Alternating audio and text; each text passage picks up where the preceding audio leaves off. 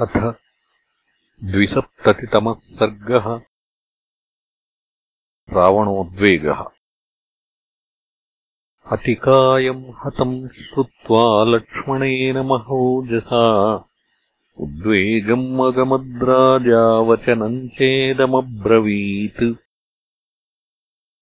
धूम्राक्षः परमामर्षी धन्वी शस्त्रभृताम् वरः अकम्पनः प्रहस्तश्च कुम्भकर्णस्तथैव च।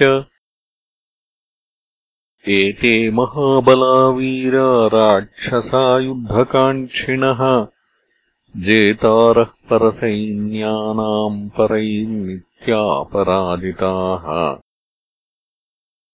निहतास्ते महावीर्या रामेणाक्लिष्टकर्मणा राक्षसाः सुमहाकाया नानाशस्त्रविशारदाः।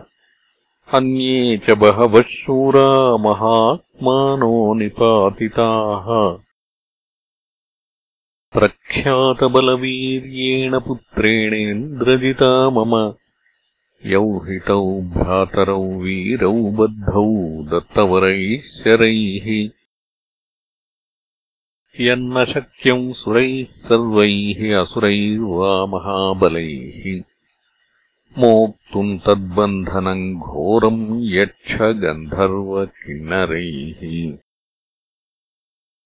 तन्न जाने प्रभावैर्वा मायया मोहनेन वा शरबन्धाद्विमुक्तौ तौ भ्रातरौ रामलक्ष्मणौ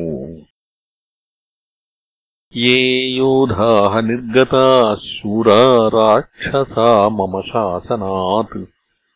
ते सर्वे निहता युद्धे वानरैः सुमहाबलैः।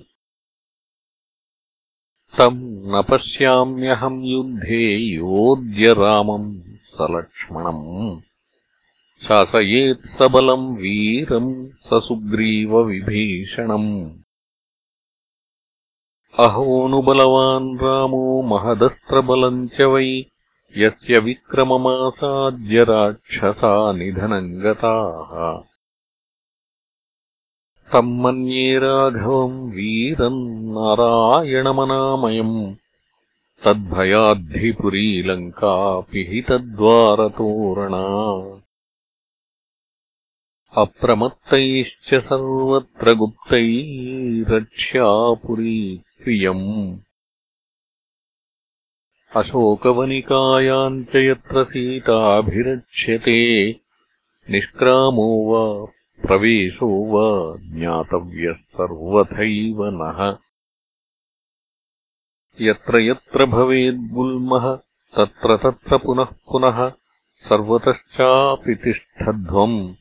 स्वैः स्वैः परिवृता बलैः द्रष्टव्यम् च पदम् तेषाम् वानराणाम् निशाचराः। प्रदोषे वार्धरात्रे वा प्रत्यूषे वापि सर्वतः। नावज्ञातेषु कर्तव्या वानरेषु कदाचन द्विषताम् बलमुद्युक्तम् आपतत् किम् स्थितम् सदा ततस्ते राक्षसाः सर्वे श्रुत्वा लङ्काधिपस्य तत्। वचनम् सर्वमातिष्ठन् यथावत्तु महाबलाः। स तान् सर्वान् समादिश्य रावणो राक्षसाधिपः। मन्युशल्यम् वहन् दीनः प्रविवेशस्वमालयम्। ततः स सन्दीपितकोपवह्निः निशाचराणाम् अधिपो महाबलः तदेव पुत्रव्यसनम् विचिन्तयन्। मुहुर्मुहुश्चैव तदा व्यनिश्वसत्। श्रीमद् रामायणे वाल्मीकीये आदिकाव्ये युद्धकाण्डे द्विसप्ततितमः सर्गः